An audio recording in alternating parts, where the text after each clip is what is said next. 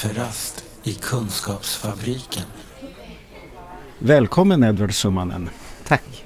Vem är du? Vem är jag? Jag är, i sådana här sammanhang brukar jag säga att jag är socionom och genusvetare ja. som har jobbat med transpersoners hälsa sedan 2008 på olika sätt. Framförallt med psykisk hälsa och suicidprevention men också sexuell hälsa och livsvillkor i allmänhet. Mm. Då har du jobbat med de här frågorna väldigt länge om man jämför med många andra. För det är också en typ av kunskapsfält som har verkligen breddats och mm. Eh, ökats på under de här åren. Det stämmer. När jag började jobba 2008 så var det väldigt få när jag till exempel utbildade eller eh, träffade myndigheter som hade någon som helst kunskap om vad trans ens innebar. Ja, just det. Och så det har ju skett en enormt skifte i hur samhällsdebatten ser ut men också folks eh, kännedom om att ens transpersoner existerar har ju förändrats mm. jättestort. Just det. Mm. Och det märks ju inte minst på att det också då börjar komma en backlash. Ja.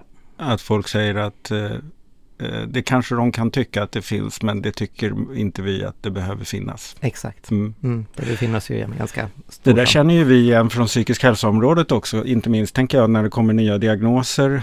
Det har ju varit väldigt mycket så på NPF-området att det blir också någon slags slitning när man ska ska man säga, omfamna en ny förståelse av vad män, människor kan vara så blir det ju också att det krockar med föreställningar som folk slår bakut på. Mm. Mm. Det stämmer. Jag tänker också det här med mediala skildringar, vilka får synas, vilka berättelser och som då blir också lite tongivande att folk tror att jaha, det är på det här sättet det. Mm. Um, tänker jag också går igen. Ja, just det. Fast det kan vara på många fler sätt. Exakt. Ja, just det. Mm. mm. Ja, det är märkligt det där hur vi som den kollektiva kunskapen har så svårt att rymma en mångfald. Mm. Mm. Och där tänker jag att det blir ju bättre. Eh, jag tänker att om man tittar på till exempel hur eh, homosexuella har skildrats eh, och vilka föreställningar som finns. Det är fortfarande såklart beroende på var vi befinner oss i världen och så, så mm. är det mm. skillnad. Men där tror jag ändå att det har kommit en större förståelse i någon sorts bred allmänhet om att folk är olika. Ja. Eh, så jag hoppas att vi kommer dit även med olika psykiska sjukdomar men också kring transpersoners mm. olika sätt att leva på och vara trans på. Att det kommer om 10-20 år vara en helt annan, ett helt annat fält. Just det. Så då finns det egentligen flera beröringspunkter med vårt lite mer strikta utgångspunkt från psykisk hälsa. Det ena handlar om det generella kring att vara inom en grupp där kunskapen ökar. Det har vi gemensamt. Men sen mm. är det ju också gemensamt att eh, personer med transerfarenhet eh, har en högre grad av psykisk ohälsa. Mm, men, men, jag tänkte vi kanske skulle säga någonting om den organisationen du jobbar för. Mm. Absolut. Jag jobbar på Transammans, Förbundet för transpersoner och närstående, som är en i sammanhanget relativt ny organisation, startade 2015. Mm. Eh, utifrån behovet av framförallt från föräldrar till transbarn som såg ett behov av att vilja träffa andra föräldrar, för man hade inga mötesplatser. Och sen har Transammans växt väldigt mycket. Eh, förra året slog vi medlemsrekord med över 2000 medlemmar, eh, vilket är fantastiskt roligt. Och vi har ju en väldigt mycket bredare verksamhet nu och också anställd personal, däribland jag. Så att vi har egentligen tre, tre fokusområden och där det ena är ju påverkansarbete, att förbättra transpersoners livsvillkor men också vad närstående kan behöva. Och närstående för oss är ju alla möjliga, det är inte bara föräldrar, det kan vara partners, vänner, syskon, barn, eh, alla som är närstående. Så det är en del, eh, att träffa mycket myndigheter och beslutsfattare, skriva debattartiklar. Eh, den andra delen är olika typer av stödjande verksamhet. Både att jag arbetar i ett projekt med fokus på psykisk hälsa och suicidprevention på en mer strukturell nivå, att vi jobbar med att göra insatser vi vet främjar psykisk hälsa på gruppnivå. Sen har vi också en kurator anställd som har en digital samtalsmottagning där hon tar emot personer upp till och med 26 för samtal via chatt, telefon eller video mm. eh, som startade för, ja, eh, i början av februari eh, och som har blivit väldigt populär väldigt snabbt vilket är roligt. Mm. Där det ger helt enkelt stöd till enskilda? Stöd till enskilda, ja, precis, eh, mm. på en individnivå. Och stöd för oss innebär också att vi har ju lokalavdelningar över hela landet som arrangerar mötesplatser. Allt från fikaträffar till samtalsgrupper till att vi har någonting vi kallar för transkollo som är för barn eh, till och med 12 som mm. vill träffa andra barn som kanske är trans eller som har funderingar kring sin könsidentitet. Så det är en typ av stödjande verksamhet det också. Och det tredje biten är utbildning, att vi utbildar väldigt mycket och sprider information och kunskap om trans, transpersoners livsvillkor men också eh, närstående perspektiv. Och transpersoners möjligheter kanske? Mm, absolut, jag tänker att livsvillkor är både möjligheter och begränsningar och Hälsa pratar vi väldigt mycket om, ja. eh, framförallt vad som är hälsofrämjande. Jag tänker att flera år pratade vi mycket, inte vi, eh, men jag har pratat många år om ohälsan hos gruppen transpersoner mm. på gruppnivå, men att vi på senare år har också börjat prata mer om vad är hälsofrämjande då? Att det har kommit mer och mer studier som också visar vad som är hälsofrämjande och det blir ju en lite peppigare ingång, att man kan inleda ja. med lite tråkig statistik och sen kan man prata om men hur förändrar vi? Ja, eh, För vi vet ganska mycket om hur vi kan förändra. Vad är det ni har brukar trycka på där då? Ja, alltså dels så finns det ju eh, både att vi har ju, så, eller jag har ju sett i mitt arbete i många år och i mina eh, sammanhang där jag rör mig, att det här med att bli benämnd med, att bli bekräftad i sin könsidentitet med rätt namn och rätt pronomen, att det är otroligt hälsofrämjande. Och mm. sen har det också kommit flera studier som visar att både depression och eh, suicidförsök och suicidtankar minskar hos unga transpersoner när närstående framförallt använder rätt namn och rätt pronomen. Det handlar ju om att man blir sedd för den man är och känner sig trygg ja, um, och res respekterad och accepterad. Ja. Så det är en sån sak vi lyfter jättemycket.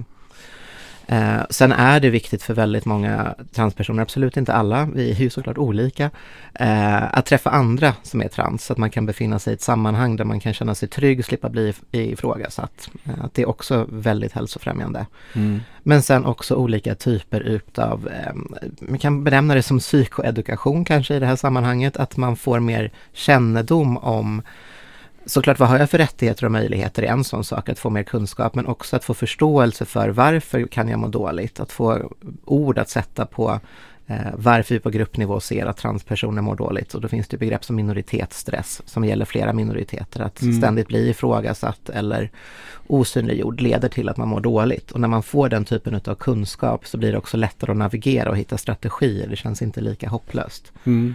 Så det är tre sådana Eh, grundsaker vi väldigt ofta lyfter när vi utbildar. Sen pratar vi väldigt mycket mer, men det är sådana saker vi verkligen ser gör skillnad. Sedan den 1 maj 2022 arbetar Edvard i projektet Starka tillsammans.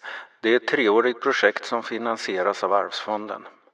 Projektets syfte är att främja psykisk hälsa och förebygga självmord hos unga transpersoner och unga som funderar kring sin könsidentitet.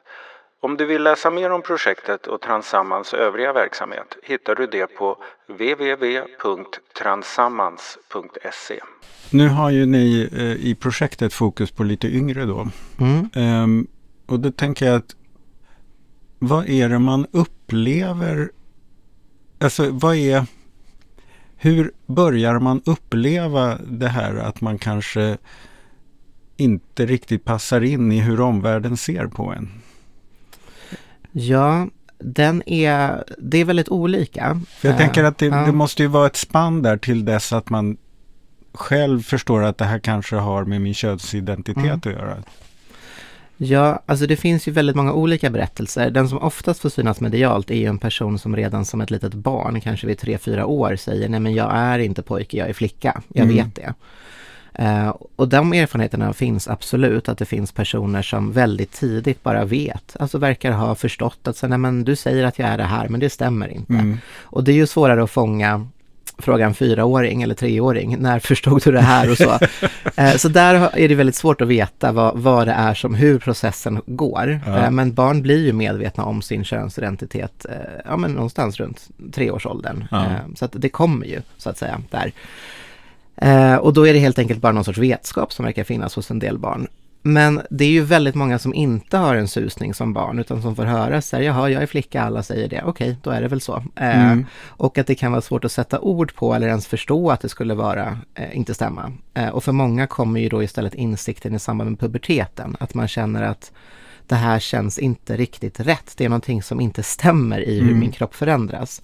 Som för väldigt många också är svårt att förstå, för det, det är jobbigt att gå, i pubertet nästan som vem som helst. Ja, det ska gudarna eh, Ja, så då är det ju samma sak där, att det är väldigt många som inte förstår heller att det är det som ställer till det, utan då är det så här, ja, puberteten är jobbig, det säger alla, och så ja. är det men för en del så, så trillar det liksom ändå ner någon sorts insikt om att säga, nej, men min kropp ska inte se ut så här. Uh, och nu pratar vi trans oftast då i relation till personer som har en könsidentitet som inte överensstämmer med könet man blev tilldelad vid födseln. Just det. Och, och med det kommer väldigt ofta också en eh, kroppslig könsdysfori. Eh, alla mm. upplever inte det, men många gör det. Att man känner att kroppen stämmer inte. Ja, just det. Eh, men det, är också, det finns också en social könsdysfori där man märker att när andra benämner dem, till exempel säger han, att man känner att nej men jag är inte en han. Eh, det, det känns inte rätt. Mm. Um, så där i någon sorts puberteten är det ju en del som kommer på, men sen är det också väldigt många som kommer på senare i livet. Till exempel under pandemin så fanns det en ökning av personer 40 plus som kom ut som trans. Um, väldigt mycket tror jag när man pratar med folk kopplat till att man var ju väldigt isolerad med sina tankar och det var svårt att man var tvungen att konfrontera mm. insikter och sidor av sig själv som man kanske har skjutit undan väldigt länge. Så att det var också en en liksom boom av 40-plussare. Vad eh, intressant. Som kom ut. Vilket... Var det allt hemarbete? Liksom? Jag tror det. Ja. Alltså om det, jag brukar säga att om det är någonting bra som kom av pandemin så var det kanske att fler kom på vilka, vilka de var, så att säga. Och ja, kunde börja leva på ett sätt som faktiskt blev mer autentiskt och som man oftast mår bättre av faktiskt att leva mm. som. Så att det, ja, det är svårt att säga hur man kommer på och en del berättar ju att så insikten kommer när man förstår att det går att vara trans. Att det är ju, för det är ju någonting som har förändrats på senare år. Att mm. eh, idag är det någonting som är mer närvarande i mångas liv. Men tittar man för bara tio år sedan så var det jätteofta när jag pratade med personer som sa att man kom på att man var trans när man för första gången mötte en annan transperson och förstod att det här är också ett sätt man kan vara på. Just det, det är det här som har ja det här skulle kunna vara en utväg för mig. Precis, det här, är kanske, det här är kanske det jag har sökt hela tiden utan att veta om det. Mm. Och sen så möter jag också, jag har jobbat väldigt många år som kurator på en rådgivningsmail som drivs av RFSL och RFSL Ungdom. Och då är det många som också hör av sig för att man funderar. Jag mm. vet inte, är jag transperson? Så för vissa är det en process på flera år av att så, försöka lura ut, vem är jag? Är jag verkligen trans eller är det bara så att jag kanske inte passar in i hur man tänker att en kvinna ska vara? Alltså den typen av tankar finns ju också där det inte alls är en lika självklar insikt utan mer en, en process. Ja, just det. Så att det går inte ja, så det är helt enkelt många mm. olika vägar ja. till att landa i vem man är. Just det. Och det finns förstås faser och faser i livet som, som gör det mer troligt att man reagerar och börjar fundera. Mm. Och sen gissar jag då, som du beskrev med pandemin, att man kan hamna i faser i livet där det plötsligt finns tid att fundera. Mm. Mm, just det. Exakt, och sen för en del personer som funderar som vill prova ett nytt namn eller kanske ett nytt pronomen, att så nu vill jag att ni säger hen istället för hon. Mm. För en del personer så landar man i att nej men det var inte det. Det var Nej, inte riktigt rätt utan jag går tillbaka eh, mm. till, till hur det var innan för det var faktiskt mer rätt. Så att för en del personer är det också att man testar lite. Ja, och särskilt för yngre personer att det testandet är viktigt att få möjlighet att göra för att eh, jag tänker en del unga jag har mött som har blivit förbjudna att få testa ett nytt namn, nytt pronomen, kanske ett nytt könsuttryck, att man vill ändra frisyr. När man blir förbjuden så blir det ännu mer svårt att veta, är det här verkligen är det här jag eller inte? Då blir det nästan ännu mer lockande. Så då finns ja, det ju risk att man... Då, då ger man sig sjutton på att det är minsann det där jag ska försöka Exakt. bli. Exakt. Ja, istället för att känna att det där kanske jag borde testa. Exakt. Mm. Mm. Och det låter ju också som en hälsofrämjande strategi då, att testa. Det är det. Och det är där jag tänker att det här med tryggare rum kommer in. Att om man inte alltid kan testa kanske i i samhället i stort så i alla fall vara i en sammanhang där det är tillåtande att man under en, en tid eller med vissa, med vissa personer kanske får vara, testa ett nytt namn och ett nytt pronomen, mm. nya könsuttryck.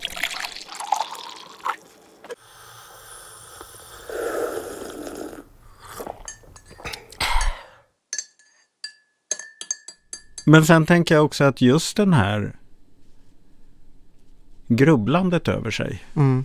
Eh, skapar väl också någon slags stress eller eh, oro för både vem man är och vem man borde vara på något sätt. Tänker jag att liksom, och vad finns det för möjligheter att bli den jag mm. kanske borde vara eller skulle.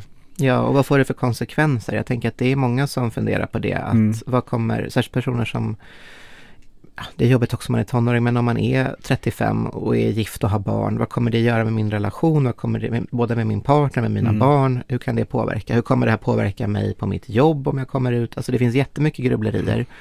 Och jag har ju mött personer som väljer att inte komma ut för man tänker att det kommer bli för svårt, det kommer mm. aldrig funka. Uh, och det, det är ju alltid upp till en själv vad man tror att man mår minst dåligt av så att säga. Mm. Um, en del personer väntar ju till väldigt sent att komma ut. Um, när man känner att nej men nu, ja, det finns ju några enstaka berättelser om personer som kommer ut som är 80 plus. Att så här, nu har min fru dött, nu kan jag, nu kan jag komma ut som mm. kvinna. Um, mm. Alltså jag får bilden framför mig lite av det där eh, att man håller i en ballong som stiger. Och ju längre man väntar med att släppa desto mer tror man att man ska slå sig när man slår i backen.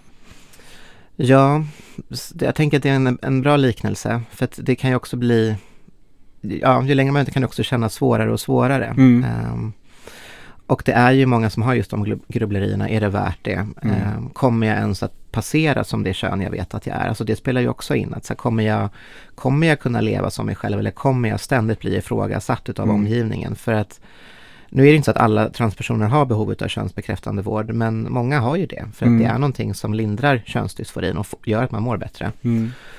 Men det är ju inte en, det är ju inte magi. Det kan ju liksom inte, ens bild av vem, hur man borde se ut och också bli rättkönad utav omgivningen, det är inte alltid möjligt. Så det är också Nej. en sån faktor som spelar in och där man under en könsdysforiutredning så ska ju vården jobba mycket med realistiska förväntningar. Mm. Både i fråga om vad man tror att man kommer kunna uppnå genom de behandlingar som finns rent utseendemässigt men också att, att få folk att förstå att det här kommer inte lösa alla dina problem. Har du en sårig mm. relation till din förälder på grund av att den personen var undvikande och frånvarande under din barndom, det kommer inte lösas av det här. Har, lever du med, med andra typer av psykiska besvär så kommer inte det heller per automatik lösas. Mm. Men sen är det ju såklart så att för många har man väl fått grunden med könsbekräftande vård och landat lite i det så finns det en trygghet i att kunna ta till sig andra vårdinsatser. Att det är först då mm. man kanske är mer öppen för det för man har fått bort viss stress som kommer utav att inte passa in eh, eller inte känna att man är rätt. Och då tänker jag ert projekt är ju klokt därför att förutom att få de här insatserna från mm. samhället med könsbekräftande vård. Och det ni skapar är ju det här som du beskrev som transcommunity. Mm. Alltså att liksom känslan av att man tillhör någonting. Mm. Att man inte bara är avvikande. Mm. Så att säga. Ja men det är ju superviktigt på många sätt för många att vara i sådana sammanhang och också där man ja, men blir bekräftad eller får det som, det kan ju vara svårt för närstående som inte vet, hur ska man bekräfta någonting som jag ska göra mitt projekt är att ta fram en handbok för närstående. Alltså det här är saker som kan vara bra att tänka på eller det här är stöd som många uppskattar att få. För att många närstående känner sig lite handfallna i det. Och då mm. kan det vara skönt att ha, vare sig det är en Facebookgrupp eller fikaträffar eller bara en annan kompis, att ha någon som kan bekräfta en idé, att man, man vet att det här var ett stort steg för dig. Eh, vad modigt att du tog det som kanske inte alltid kommer så lätt för närstående men för någon med liknande Nej, erfarenheter. för de får ju tusen tankar i huvudet själva. Exakt. Förstås. Exakt. Ja. Så det är vanligt. Men sen är det också en utmaning med att det är så extremt långa väntetider för att få påbörja en könsdysforiutredning. Att det är mm. över tre år på vissa eh, platser, vissa mottagningar. Och där har man sån här nationell, vad kallas det för? Eh, nationell högspecialiserad vård har vården, ska göras om till vid årsskiftet. Okay. Så att från 1 januari 2024. Och i praktiken så kommer, nu finns det mottagningar på sex orter. Det kommer finnas kvar på sex orter så det är egentligen bara att man dels hoppas man att regionerna kommer skjuta till mer medel mm. för att vården har en annan status. Att fler ska vilja jobba med den. Det är en ganska utskälld och kritiserad vård. De har mm. svårt att hitta personal. Och sen så hoppas man ju också lite att det ska bli lättare att eh, Socialstyrelsen kan gå in om några inte sköter sig och säga så här, men om ni inte skärper till er så kommer inte ni få behålla det här tillståndet. Ja, För idag det. finns det mm. inga sådana påtryckningsmedel. Mm. Kafferast i Kunskapsfabriken. Men så vi får se vad som händer med väntetiderna. Men det påverkar ju också måendet. Och mm. många tycker att det känns hopplöst och svårt. Och sen så för många unga så har det också varit mycket debatter kring vården. Och man har blivit mer restriktiv med att ge både pubertetsblockerare men också könskonträr hormonbehandling. Eh, vilket för många är väldigt stressande. För att man ser ens kropp förändras på sätt som man vet det här kommer inte gå att få ogjort. Reversera, nej, mm. Mm. Så att det är ju en, och det pågår ju väldigt mycket diskussioner om det och där Sverige har ju valt att gå en väg som eh, många andra länder inte har valt, alltså bli mer restriktiva. Men det finns internationella rekommendationer, det finns en WPAF, World Association for Trans eh, Professional Health, som är, samlar experter från hela världen som mm. har andra rekommendationer än vad Sverige har, där de tycker att nej men, vi ska kunna ge den här mm. hormonbehandlingen när vi har kunnat säkerställa könsdysfori. Så att det finns mycket diskussioner som pågår, men där i slutändan de som är unga idag hamnar i kläm, där det finns mycket prat om några år kommer vi ha mer forskning och veta mer. Ja, just det, men jag växer ju nu. Precis, så att det, ja. exakt. Så mm. jag, jag, tänker att så, ja, om 5-10 år så kommer det se annorlunda ut. Då kommer vi kanske ha mer kunskap mm. som gör att det inte är lika restriktivt, att mm. man vågar lita på att professionen vet vad de gör. Mm. Eh, men de som är unga just här och nu, det är ju de som hamnar i kläm. Eh, som... Jag funderar på det där, alltså handlar det om ett misstroende mot ungdomars upplevelse eller en misstro mot professionens kompetens? Jag tror att det är båda. Jag tror att det är en kombination av alltså den svenska könsbekräftande vården har ju varit underfinansierad i många år mm. uh, i takt med att fler söker vården men deras anslag ökar inte i samma takt. Så det gör ju både att, att de ibland har brustit i uppföljningar uh, som har ju då lett till mycket kritik. Mm. Uh, att de inte har haft tid att samla all den kunskap de skulle behöva samla. Så jag tänker att det är både ett bristande förtroende mot, mot vården men också i att fl många fler kommer ut som trans. Man pratar om att remisserna har ökat med 150, 1500 procent. Mm. Och det låter ju mycket, men det man menar är så ja men det har gått från att kanske vara 20-30 remisser om året till en och samma mottagning till att de får ungefär 400. Mm. Så att ja, i procent så är det ju en jättestor mm. ökning. Mm. Men vi ser den här ökningen över hela världen, att fler och fler eh, unga framför allt, men också äldre, kommer ut som transpersoner och mm. söker sig till vården. Men jag tror att det finns en oro för att det, ju, ja, det finns ju en del som pratar om det som att säga, men tänk om det bara är en trend, tänk om, tänk om de alla ångrar sig. Mm. Och det är klart att det, det, är ju någonting som man behöver fundera på. Varför är det fler som söker vården? Mm. Men där Socialstyrelsen har lyft att vi vill ha forskning på varför fler mm. söker vården. Och jag vet inte ens om det är möjligt att göra en sån forskning. Nej, den blir ju väldigt många om och men. Eh, ja. Eh, just det. Och där jag tänker pratar man med, med personer det berör, unga direkt så är det ju många som lyfter att så här, ja, men det handlar om en ökad synlighet. Jag, mm. nu, jag visste inte att man kunde vara trans, det känns som ett självklart alternativ. Det fanns mm. en annan på min skola. Att det finns, men också tänker jag att BUP har blivit bättre på att remittera rätt eller kanske ställa frågor till mm. personer som kommer och har, har olika typer av mående där man tänker sig, kan det vara så att du upplever könsdysfori? Att man börjar ställa frågor mm. på ett annat sätt. Mm. Så att jag tror att det finns, jag tror att det är de aspekterna som spelar roll. Att man får hjälp att pröva tanken. Ja, mm. och sen finns det ju mycket diskussioner. Det finns en del som argumenterar för att det handlar om att man inte kan vara, att unga tjejer flyr kvinnligheten. Mm. Jag tycker att det är en respektlös retorik mot de unga som kommer mm. ut som transkillar och icke-binära att säga, säga att det är det. Eh, för det går ju också att vara transkille på så många sätt. Man mm. kan vara en superfjollig transkille. Mm. Man behöver inte vara liksom en machoman. nej, eh, nej, det är inte så att alla blir Burt Reynolds. Nej, nej, nej, absolut inte. Utan vissa blir liksom Jonas Gardell. Alltså så det, mm. finns, det finns en sån bredd i mm. erfarenheter. Eh, och sen tänker jag att man såklart, att vårdpersonal måste ju ha kompetens att, att säkerställa, är det någonting annat? Har du varit med om ett sexuellt övergrepp? Har det påverkat mm. dig på något sätt? Eh, men där har jag, tror jag, kanske en större tilltro till professionen än vad många andra har.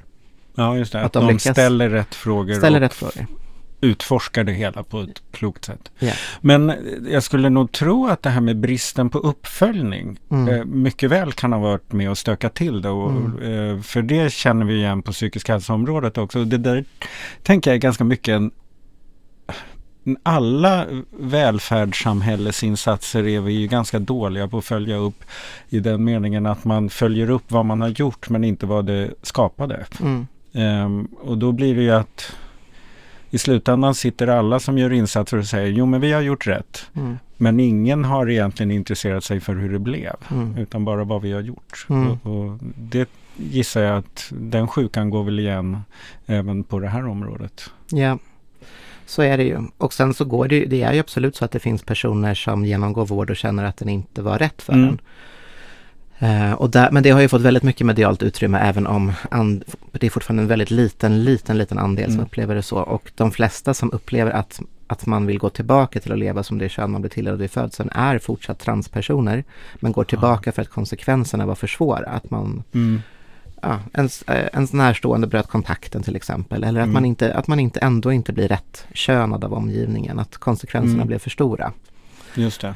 Så att det, och det får ju väldigt mycket medialt utrymme men vi har ju en retorik nu där det känns som att det är värre att, att eh, en enda cis-person, alltså någon som inte är trans, blir felbehandlad än att tusen transpersoner inte får vård. Mm. Alltså det finns en väldigt Mm. sån tydlig bild av att det är jättehemskt om någon blir felbehandlad men felbehandling blir bara i sammanhanget att du får vård och det var inte rätt för dig. Men att alla de som inte får vård Mm. fastän man behöver, det Mm. ses inte som en felbehandling. Ja, just det. Och vad, det var ganska nyligen som det kom några siffror på att man såg att det var fler som ångrade sina knäoperationer än som Mm. ångrade sina könsbekräftande operationer. Precis, det är ju när man tittar på de uppföljningar som ändå har gjorts över framförallt om man, hur man känner kring kirurgi eh, så är det ju väldigt, väldigt få som Mm. ångrar det. Sen är det ju fler som kan återgå till att leva som det kön man av de skälen att det var inte, det, var, det blev inte rätt för en. Mm. Eller det, blev, det funkade blev för inte i svårt. livet. Ja, det blev för det. svårt. Man Mm. ångrar inte vården. Nej. Ehm, så att det, ja, det finns ju många olika bitar i det och sen har vi inga direkta siffror på, för Sverige är ju Vissa länder har ju mycket mer omfattande könsdysforiutredningar. Sverige är ju ett sånt land där man ska utesluta att det kan bero på någonting annat. Mm. Så att ibland när man får ta del av berättelser om personer som, som eh, ångrar sig och säger att jag var aldrig transperson så behöver man också titta på men hur, hur gick det till? Är det så att du kanske genomgick hormonbehandling privat? Du kanske köpte hormoner på nätet? Det Mm. var aldrig någon, någon psykiatripersonal involverad. Det blir också väldigt orättvist mot den svenska könsbekräftande vården att ta de exemplen och säga Mm. så här, titta vården i Sverige funkar inte. När då kanske Nej, det var inte den vården som inte Precis, funkade. Just exakt. det. Mm. Så att, eh, ja, men det är, det är, så det är utmanande helt Mm. enkelt.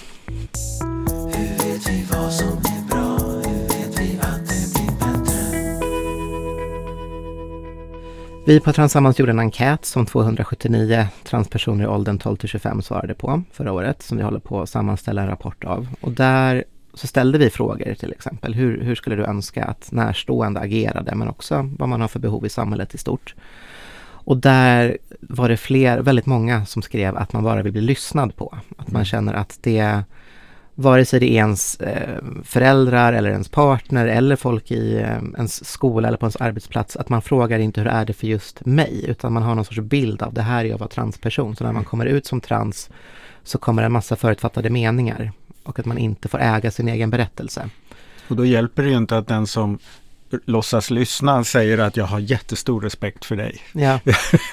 Om man ändå inte riktigt Nej. lyssnar på min berättelse. Precis, Mm. så dels lyssna såklart, men sen också veta var, var går gränsen, vilka frågor ska just jag ställa? Det är Mm. också någonting som återkommer väldigt ofta att det är ju en sak om ens partner kommer ut, att man kan känna vad gör det med vår relation? Mm. Man kanske har jättemycket frågor som partner, man är på en helt annan plats Mm. än att vara en eh, förälder för att man har barn i samma klass. Alltså Mm. så här, det är ju en väldigt, det är ju väldigt olika vem man är. Så att Mm. fundera lite på vem är jag och vad kan jag ställa för frågor? För det är ju också någonting som många önskar att fler skulle kanske läsa på lite på egen hand. Mm. Men också hos, hos seriösa källor, att inte köpa någon eh, influencer som kanske säger, ja, men, säger saker som är tagna ur luften eller det är en del fake news när det kommer till, till trans också. Det är, Mm. det jag önskar att folk kunde vara bättre på källkritik, alltså vem skriver det här och varför? Mm. För att det, det sprids mycket okunskap och mycket felaktigheter. Ehm, Så att läsa på och då tänker jag att då kan man, det är klart att man eh, kan ju då tycka att, att transorganisationer någonstans är partiska. Så Mm. att om man känner att man vill inte läsa på på de hemsidorna så tänker jag att då kan man ju ta del av vad skriver Socialstyrelsen, Folkhälsomyndigheten, 1177, Mm. umo.se. Att man kan läsa på sådana platser. Förhållandevis neutrala Ja. och kunskapsunderbyggda. Exakt. Mm, Så d- det tänker jag är väl kanske de viktiga, lyssna, läsa på och fundera på vem är jag? V- vad får jag ställa för frågor här? Mm. Men sen så är det ju också väldigt skönt att någon annan tar ansvar att säga ifrån när personer uttrycker sig eh, stereotypiserande eller negativt om transpersoner. Att det inte alltid ligger på den enskilda transpersonen att säga stopp. Att man kanske tar ett, ett sånt socialt ansvar eller när andra säger fel pronomen eller fel namn, att man går in och hjälper till och säger ja du menar hen. Mm. Eh, att bara rätta på det Mm. sättet. Eh, om personen är, är ute såklart. Så jag tänker det är väl de stora bitarna, att säga ifrån, läsa på, lyssna, Mm. respektera. Ja, och jag tror jag läste någonstans du hade uttalat också att det den här det blir ju liksom en utmaning för en själv det här att respektera och vara nyfiken utan att kräva att jag måste kunna förstå. Mm. Eh, för det är ju självklart att jag kan ju aldrig helt förstå en annan människa och, och det där inbillar vi oss ibland att det är inte förrän jag tycker att jag förstår hur du har det som jag kan liksom respektera det. Men Mm. för det kommer man ju ändå aldrig göra. Nej. Nej, jag tänker att det är en, det kan vara värdefullt att tänka på det och jag tänker att man kan ju möta alla möjliga livsberättelser och jag vet inte, det, ibland känns det som att folk tror att trans är någonting annat, att jag måste kunna förstå, hur skulle det kännas för mig, hur vet jag? Men jag tänker att det är jättemycket erfarenheter vi möter. Jag har till exempel aldrig varit med om krig. Det betyder Mm. inte att om jag möter någon som varit med om krig att jag tänker så här, nej men jag tänker inte respektera din upplevelse av att kriget var jobbigt. Alltså så det, jag vet ju Ja, just det händer ju saker, eller jag Ja. tänker olika erfarenheter, att olika sjukdomar, vad som helst. Mm. Eh, Jag har inte barn till exempel. Jag förstår att andra människor har barn Mm. och jag kanske inte förstår allting kring hur det kan vara och det kan vara olika hur det känns att ha barn. Ja, precis. Ehm, Så jag tänker att det finns jättemycket saker jag inte kan relatera till utifrån vem jag är, eh, utifrån mina erfarenheter, men jag tänker att man kan respektera folks Mm. berättelser ändå. Och sen så förstår jag att kön är stort för att det kan ju väcka känslor hos folk. Så att, men hur vet man? Hur vet Mm. man att man är ett kön? Jag har aldrig känt mig som ett kön. Och jag tänker att då kanske man bara får sitta ner och tänka att så här, men jag kanske inte kommer veta hur det är att känna sig som ett kön. För det kanske inte märks förrän, förrän det inte stämmer. Så kan det ju också vara. Ja, jo men så tänker jag också. Och att om det nu är så här många människor som delar den här erfarenheten så ligger det nog något i det. Alltså det är ju inte så mycket krångligare än så på många sätt. Nej, exakt. Och det är ju någonting som finns eh, också dokumenterat tusentals år tillbaka i tiden, den här Mm. erfarenheten. Och det, ja jag vet inte, jag tycker det är, det är delvis samma retorik. Jag tänker på, eh, ja, man, man kan ju se paralleller till homobisexualitet. Att vara mycket förklar, varför blir någon homosexuell eller bisexuell? Mm. Att vara mycket sånt prat längre tillbaka i tiden. Och, Eftersom man betraktar det som någon slags sjukdom. Då. ja, Mm. exakt. En avvikelse, någonting icke önskvärt. Mm. Och där jag, det finns något plakat från någon tidig eh, homobi eh, demonstration i, i Sverige på 70-talet där någon har ett plakat som är så här, jag vill inte veta varför jag är homosexuell. Jag vill veta varför jag inte får vara det. Mm. Som jag tänker är väl kanske också vad många transpersoner känner idag. Sen är det såklart många transpersoner som också är nyfikna på hur kommer det sig att Om- jag blev transperson? Ja, just det. Precis. Så det är ju en, och där finns det olika teorier och, som man kan fördjupa sig i som är att, ja men det finns teorier om att könsidentitet ändå är, det finns en biologisk förklaringsmodell med hormoner som tillförs redan i fosterstadiet. Så Mm. det finns ju den typen av förklaringar men det kommer vi aldrig heller säkert veta, Nej. tänker jag. Och så länge vi ändå inte vet så är det väl bättre att respektera folk som upplever saker. Men jag tänker det. Och det finns också någon sorts retorik just, har varit de senaste åren om att könsidentitet är något nytt påfund och att vi har en ny förståelse av kön.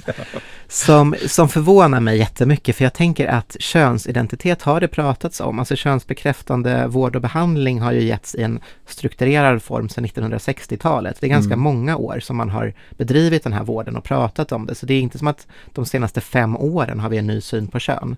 Att kön är bara en känsla. Och sen måste jag erkänna att jag är ju delvis ansvarig i att hur vi förklarar könsidentitet. Att Mm. där har jag när jag har jobbat med det här pratat om att så, men det kön du känner dig som, det kön du vet att du är. Och då blir det mycket så här, kön är bara en känsla. Men Jaha, ja just det. Det blir någon slags konklusion av det, ja, den förklaringen. Ja, och det, men det är ju en förenklad bild. Det är ju Mm. mer så här, men min jag-upplevelse, vem är jag? Min mentala bild av vem jag är. Mm. Eh, så det är inte bara så att kön är en känsla, men vi pratar ju om att känna sig som ett kön.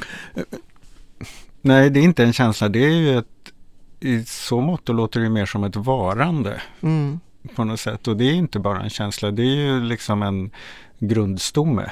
Exakt. Mm. Och, och där säger jag att jag ibland har försökt säga det kön jag är, men det är när man pratar så här, könsidentitet, det är det kön du är. Men Mm. det, blir, det blir inte pedagogiskt klokt, för att kön, då måste vi ju prata om men vad är olika aspekter av kön? Mm. Jo, men det är könsidentitet, men det Mm. är också juridiskt kön, det är Mm. kropp, Mm. eh, det är könsuttryck, man uttrycker kön. Mm. Så att det är ju, kön är ju, det är ett brett begrepp. Mm. Ehm, men eh, jag tänker att det är ju, könsidentitet är ju helt enkelt det kön som man är, som man, som man vet att man är. Ja, just det. Men då blir det en förenkling när det då blir, eller ett förlöjligande av att kön är bara en känsla, någonting man kan känna sig som. Då kanske jag känner mig som en bil. Utan att då, Ja, just det. Men Mm. jag känner mig som en katt. Eh, Och då blir det väldigt tramsigt. det är väldigt tramsigt. Mm. Är det ett problem att så mycket av de insatser man får är sjukvård? Jag tänker absolut att det är ett problem. Jag tänker både det här med att könsdysfori är ju i dagsläget en psykiatrisk diagnos Ja. också. Att det blir ju en um, syn i samhället på att man kan förstärka bilden av att så, det är bara vård, det är bara, det är någon sorts sjukdom. Ja. Ehm, men jag tänker att både, om man pratar med, både med psykiatrin eller med liksom någon sorts bredare transcommunity så är det ju inte så att vara transperson är en, en psykisk sjukdom och samtidigt tycker jag att det är svårt att, att, att lyfta det utan att också stigmatisera all Mm. psykisk sjukdom som finns. Men att snarare tänker jag att könsdysfori är ju ett tillstånd, att vara trans är ju inte det som diagnostiseras utan det är ju könsdysforin Ja, som är ett lidande som Mm. ställer till det, det. i ens vardag och som kan behandlas. Och då hör den ju hemma i, i psykiatrin. Ja. Det låter ju rimligt. Ja. Mm, mm. Men, Men att vara trans är ju inte i sig ett, en, ett, ett, en psykisk sjukdom som jag Ja. tänker att en del ofta också tolkar det som, utan Mm. att det är ju könsdysforin. Men jag tycker att det är svårt att, jag brukar vara lite restriktiv för jag tycker inte att, att man ska också bidra till stigmatiserandet av olika psykiska sjukdomar. Nej. Men jag tycker att vi måste ändå förtydliga att trans är inte det som utreds och behandlas, utan det som utreds och behandlas är är själva köns- könsdysforin. Ja, just det. För att åtgärda det lidande som Ja. uppstår av det. Och då finns det ju också då, gissar jag, en massa människor som är trans men inte upplever könsdysfori i så stor Mm. utsträckning. Utan som han löser det här ändå. Precis, för man brukar skilja på könsinkongruens som är att man har en annan könsidentitet Mm. än könet man blir tilldelad vid födseln. Att det är liksom, man är könsinkongruent, man har en Mm. annan könsidentitet än det som man förväntades ha. Men sen könsdysforin är då när det uppstår lidande. Ja, det, och det. är det som går Mm. att behandla och minska med könsbekräftande vård och behandling. Men det är ju inte alla transpersoner som upplever Nej. könsdysfori. Så att det, Och då får man inte någon hjälp med könsbekräftande behandling då? Om man inte lider? nej precis. Ja. Det, det är så det är utformat nu. Sen kommer det komma en ny definition i ICD-11 när det kommer, eller börjar Ja. användas. Men, och då är det inte lika mycket fokus på lidandet som fokus på behovet av en transition, alltså att, att genomgå eh, en social eller medicinsk Ah.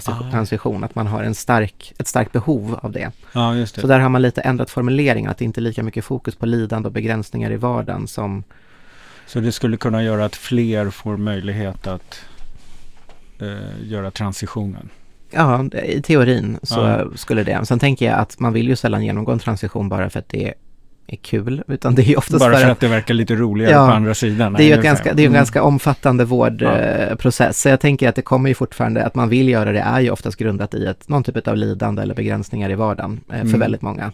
Så Mm. jag tror att det kommer nog inte bli någon jättestor skillnad i praktiken. Men ord spelar ju ändå roll, man, hur man väljer Mm. att beskriva saker. Eh, men för att återgå till din ursprungliga fråga, att det är så mycket fokus på vård, så jag tänker att i det mediala samtalet är det ju jättemycket fokus på vård. Mm. Eh, Men tittar man på, och att det kanske också är för lite vårdinsatser, att det, vi skulle behöva fler kuratorer med transkompetens, fler gynekologer med transkompetens. Alltså vård är ju också mer än bara könsdysfori, Mm. vård vid könsdysfori, utan det är också all typ av vård.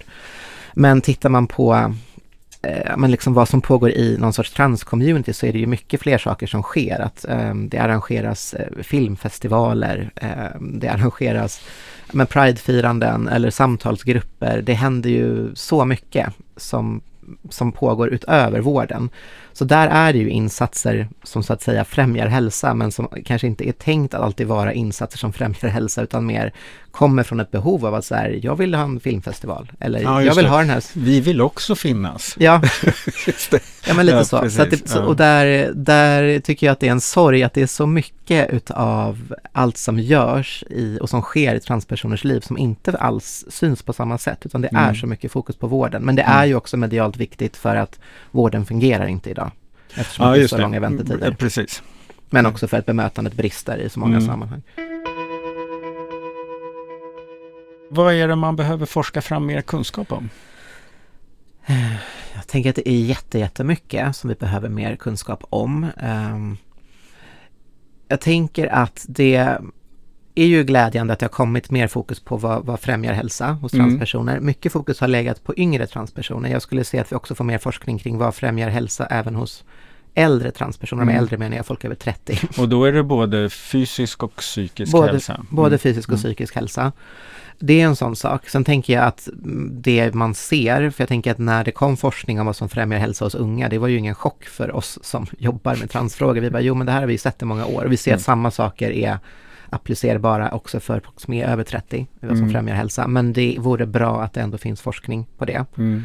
Men sen behövs det ju såklart mer uppföljande studier. Eh, Just, det, sen är vissa saker är ju svåra att göra för att hormonbehandlingar, det kommer ju fram nya preparat hela Mm. tiden så det här med långtidsuppföljningar blir ju svårt eftersom att det kanske kommer nya och bättre preparat. Just det, för de som är 50 om 15 år har haft andra hormoner i sin transition tidigare. Ofta, tänker, ofta Ja. så är det ju så att det sker en utveckling av mediciner och läkemedel hela tiden. Men jag tänker att man skulle behöva andra typer av långtidsuppföljningar kring hälsa på olika sätt, eh, både psykisk och fysisk Mm. hälsa, att titta på det. Ja, det finns liksom hur mycket som Mm. helst som vi inte riktigt vet. Kunskapen om vad man borde forska ökar också med tanke på att det blir fler som lever öppet med liksom som Ja. har kommit ut som transpersoner och som kan reflektera över förändringar i, i kroppen och själen eh, över Ja. tid. Liksom. Sen pågår en ganska stor studie nu vid Upps- i Uppsala som tittar på, som just söker personer som har av olika skäl avbrutit sin behandling. Mm. Eh, och vare sig man har återgått till att leva som det kön man tilldelades vid födseln eh, för att man kände att det var det som var rätt eller Mm. att man fortfarande är trans men inte, ja, det är för svårt och så vidare. Eh, och där tänker jag att den, sådana studier är ju superviktiga att titta på vilka behov har personer utifrån olika erfarenheter av att avbryta behandling. Ja, ja. Mm. Eh, och där är det en del som avbryter också behandling för att man känner sig nöjd med, med det man har uppnått. Att Mm. man kanske inte, vissa saker går ju inte tillbaka om man har stått på testosteron i några år. Och har man till exempel fått en, en mörkare röst, då är den där. Och då är det en del personer Mm. som är så här, "Nej, men jag behöver inte, jag var nöjd med att få en mörkare röst och få Mm. göra en mastektomi, alltså ta bort eh, brösten. Mm. Och sen är man färdig och känner som, då behöver inte jag stå på någon hormonbehandling i onödan. Eh, men där har vi också alldeles för lite kunskap när Mm. personer avbryter behandling på det sättet. Just det. Om man det är för att man är nöjd helt enkelt Mm. och färdig. Eller om man tyckte att det var obehagligt. Exakt. Mm. Så sådana typer av studier är ju på gång. Mm. Eh, och sen så tänker jag att det vore bra med fler studier kring, just för att det är så mycket prat om, om ånger och kan ungdomar Ja. verkligen veta, alltså den typen av studier som, som faktiskt tittar på det. Det har ju kommit några som visar att könsidentiteten verkar vara stabil för de allra Mm. flesta, även om man kommer ut vid en ung ålder. Men vi Mm. skulle behöva ännu fler sådana, mest för att kunna bemöta motargument och personer som vill begränsa tillgången till vård. Ja, just det. Mm. Men sen så är det ju också så att väldigt många personer som är, framförallt personer som är diagnostiserade med könsdysfori också är eh, diagnostiserade antingen med en autismdiagnos eller med ADHD. Mm. Och det är också någonting som diskuteras väldigt mycket och där tänker jag att det kanske vi inte heller måste veta. Det finns flera teorier, en är huruvida det kanske är så att att oftare sammanfaller könsdysfori och autism i en och samma person. Det kanske bara är så. Det är en sån teori. Ja. En annan är att ehm, personer som upplever könsdysfori blir, könsdysfori blir feldiagnostiserade med autism för att vissa saker, eh, svårigheter i sociala sammanhang kan misstolkas. ja, det. Det är en sån. Eh, Men sen finns det ju då det som är oron för en del är så här, men tänk om det egentligen bara är en, en missförstånd, att det är någon sorts specialintresse som en person misstolkar som könsdysfori. Eh, Alltså det finns ju många sådana Mm. saker som spelar in i, och där tänker jag att det vore bra med mer kunskap för att kunna visa på det. Sen känner jag mig återigen ganska trygg med att vården har en förmåga att avgöra, är det här ett specialintresse eller Mm. är du, upplever du faktiskt könsdysfori? Mm. För där har de mycket erfarenhet. Men jag tänker att vi skulle ändå behöva ännu mer kunskap för att kunna just bemöta när personen vill använda det som argument för att eh, begränsa vård. Men hur tänker du kring forskning? Alltså vad som skapar hälsa, eh, en hälsosam kropp eh, och ett, en hälsosam själ eller vad man ska kalla det för. Men jag tänker också forskningen kring hur samhället klarar av det här på något Mm. sätt. Eh, har du några tankar vad det är man borde studera där över tid? Oj, ehm, det var en stor fråga. eh, nej men jag tänker absolut att man, jag tänker så, så, som folk säger. Det har ju kommit några studier som visar hur eh, att transpersoner systematiskt väljs bort på arbetsmarknaden, även Mm. på den svenska. Jag tänker att visa på den typen av strukturell diskriminering, tänker jag såklart, och se om det för, förbättras över tid, tänker jag är en sån sak som är jätteintressant att se. Ehm, ja, hur unga transpersoner som går i skolan mår och upplever skolsituationen, men också hur man faktiskt implementerar skolans uppdrag att Mm. förmedla respekt för alla människors lika värde och att skapa trygg, en trygg skolmiljö för alla barn och elever oavsett eh, Mm. vilken minoritet man tillhör. Sån typ av forskning tänker jag är också såklart jätteintressant. Sen så tänker jag att det vore såklart intressant att se hur mycket, vår, hur mycket är, hur, känner, hur trygg känner sig vårdpersonal i Mm. sin kunskap? BUP-personal, känner man att man har beredskap att hantera unga med funderingar kring könsidentitet, alltså den Mm. typen av både upplevd kompetens och trygghet, men såklart också hur uppfattar de personer som söker vården Att är det här kompetent personal? Ja. ja just det. Eh, Det kan inte finnas ett glapp där att alla känner sig helt kompetenta Mm. men att väldigt många känner att det ble, jag blev inte bra bemött. Alltså den typen av Ja, det. kunskap är också viktig. Jag förstår mig på dig. Mm, Jag, har, jag kan dig. Ja. ja, det känner man ju igen.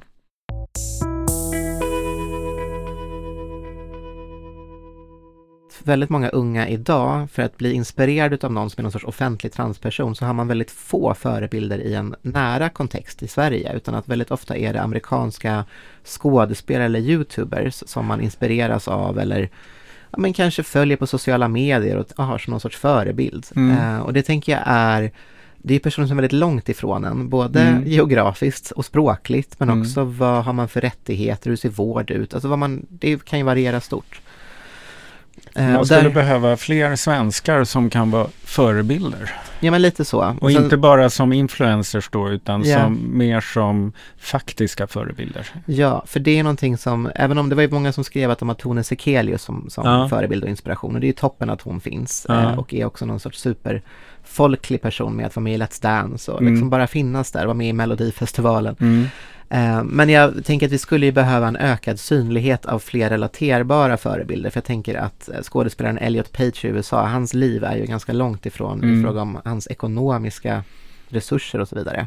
Just det. Och Snickar-Li som kom ut nu är Ja. också en person med extremt mycket ekonomiska resurser som har köpt sig förbi vårdkön och gått igenom vård privat istället. Ja. Det blir ju så att det är ju någonting att folk önskade mer relaterbara förebilder men framför allt så var det personer som skrev att man önskade sig eh, fler icke-binära personer som får synas och vara. Mm. Eh, för att man tycker att det är mycket binära transpersoner, antingen transmän eller transkvinnor som syns. Mm. Eh, men också fler transpersoner som inte är vita, alltså transpersoner som också möter rasism, att man tycker att Mm. det är mest bara vita transpersoner som syns. Så det var liksom de två Mm. huvudspåren som kom fram i svaren, att det här är förebilder som unga saknar och berättelser att spegla sig i, men också många som skrev att jag, sök, jag skulle vilja se fler transpersoner som mår bra, Mm. transpersoner som inte alltid har vetat att man är trans, för det är också Mm. en sån medial bild som är, inte stämmer för väldigt många, att man ska ha vetat sedan man var tre år. Eh, och transpersoner som bryter mot eh, fler normer än kring just kön, alltså att man kanske är troende eller man har funktionsnedsättningar, alltså man saknade den typen av berättelser. Vanligt folk alltså. Vanligt folk.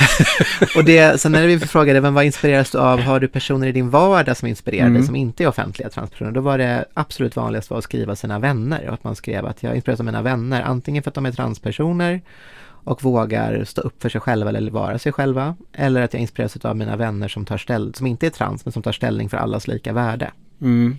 Just det. Så att, det, så att i vardagen så verkar ju många ha tillgång till andra förebilder eh, på ett sätt som är såklart Mm. jätteviktigt. Men jag tänker att det är väldigt olika. Alla har ju inte liksom den Nej. typen av personer i sin vardag. Och där skulle vi behöva fler. För jag tror att det gör någonting med ens mående att bara kunna se så här, du är lite som jag. Att ha den typen av personer. Eh, och där, där spelar ju sociala medier en jättestor roll. Att det finns ju enstaka transpersoner som, som bara som privatperson att säga jag jobbar på ett lager men är också transperson och har 7000 följare som Mm. mest bara vill få se min vardag. Alltså det, det finns ju. Mm. Men jag tänker att vi skulle behöva kanske ännu mer och också för någon sorts bredare allmänhet att få möta olika transberättelser tror jag skulle vara bra för att nyansera saker. Mm. Så jag tänker det, det är sådana saker som dök upp i den enkäten. Men sen dök det ju också upp vad som får en att må bra, eh, Mm. frågade vi om. Och då var det väldigt mycket om just att andra respekterar ens namn och pronomen och att andra säger ifrån när någon uttalar sig negativt om transpersoner. Och bland de unga i enkäten som ännu inte har kommit ut för någon, vi hade några, det var väldigt blandat. Vi frågade hur öppen är du eller Så. Mm. Eh, och vi frågade också, är du, vi hade också med gruppen osäkra, personer som inte är säkra på om man är transperson. Och både bland gruppen osäkra och bland gruppen som inte har kommit ut för någon, så var det, där var det ännu fler som angav att det är viktigt att man säger ifrån när man hör någonting negativt om transpersoner. Mm. Och det tänker jag är ett viktigt medskick till någon sorts allmänhet att så här, det kan finnas personer i rummet där du är som inte har kommit ut som trans och att du säger ifrån kan göra att man faktiskt längre fram vågar komma ut. Att för personer som inte har kommit ut så är det ännu, ännu viktigare att andra säger ifrån.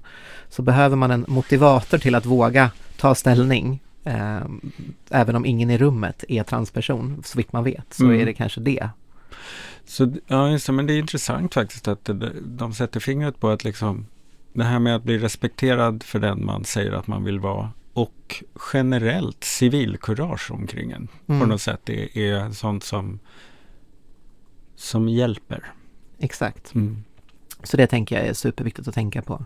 Och sen tänker jag det här med minoriteter och vad ett community, att jag skulle ju önska att fler, det har ju blivit bättre på senare år, att fler myndigheter blir bättre på att använda eh, civilsamhällsorganisationer Mm. i att nå ut med enkäter till exempel, eller det. deltagare i studier. Men också som faktagranskare, alltså gå in och titta, man tar fram en enkät, är det här Mm. ett språk som den här gruppen kommer relatera till Just eller känns det Är det så här de förstår frågan? Precis. Mm. Är det här, är det begripliga frågor? Är det ord som upplevs som extremt ålderdomliga som snarare Mm. kommer att folk bara avbryter sitt deltagande? Att man kan säga så att det här ordet har inte en transperson använt på 25 år. Nej, det. Ehm, så, så kan de ändra det ordet. Mm. Men Eh. eh, det där känner ju vi igen väldigt mycket just när vården ska fråga patienter och brukare liksom, om saker. Att, att det väldigt mycket handlar om att det är de som vill bli bekräftade om att de har tänkt eller Mm. gjort någonting istället för att hitta ett språk som gör att hur kan vi först- hur kan ni förmedla till oss vad ni tycker är viktigt? Mm. Det, det där är ju det är otroligt lätt att utgå från sig själv när man ställer en fråga till någon annan, när man vill verka intresserad. Exakt. Mm. Och för jag tänker att det är någonting som, jag tänker att det har blivit mer tydligt för kanske myndigheter att förstå att så här, men ja, vi behöver de här organisationerna för att nå Mm. ut. Det är klart att, att, att Transammans till exempel har ju medlemmar som följer oss på sociala medier. Men vi har ju mer än, vi har ju typ tre gånger så många följare än vad vi har medlemmar. Just det. Så vi når ju också personer som inte är Mm. medlemmar och i sin tur så ser man ju ofta att om, om vi som organisation har delat en studie så ser ju jag den studien delas i en sluten Facebookgrupp enbart för transpersoner att någon säger har ni sett den här studien? Ja, det. Så att det, liksom, det, det Mm. blir, når ju vidare inom ett community och når ju personer på ett annat sätt. Mm. Eh, och där jag ibland blir förvånad när eh, personer tycker men hur ska vi nå den här gruppen som är så svår? Men det är inte svårt. Det, det är inte svårt att nå gruppen bara man använder rätt kanaler. Ja, just det. Eh, så att jag tänker att det är väl också någonting som är tänker jag förenar jättemånga eh, Mm. organisationer som jobbar med minoritetsfrågor. Att, Mm. att vi har en unik position i att nå ut. Och jag tycker att det har blivit en större öppenhet för det eh, i att faktiskt använda organisationerna på det sättet. Mm. Sen är det ju såklart att man skulle önska att det här med anslag till organisationer och så, att man också har tid och råd att göra ett bra... De har ju inte direkt stigit de Nej. senaste åren. Nej. Nej men så att det är också en sån sak. Men jag är ändå glad att det har blivit, att det har skett en, en förbättring i att faktiskt förstå vilken Mm. viktig funktion sådana Mm. typer av organisationer kan fylla. För det, Just det, för, för det, det blir, har man väldigt magra anslag så hjälper det ju inte att man får en särskild peng för ett visst uppdrag för man har liksom ingen plattform att Mm. göra den på. Ändå. Men du, jag tror vi har, vi har Ja. pratat en väldigt god stund. ja, Eh, väldigt trevligt att ha dig här. Eh, tack ska du ha Edvard mm, för själv. detta upplysande samtal. Tusen tack. Den här podden görs av NSPH, Nationell samverkan för psykisk hälsa. Läs mer på vår hemsida www.nsph.se eller följ oss på Facebook. Kafferast i Kunskapsfabriken.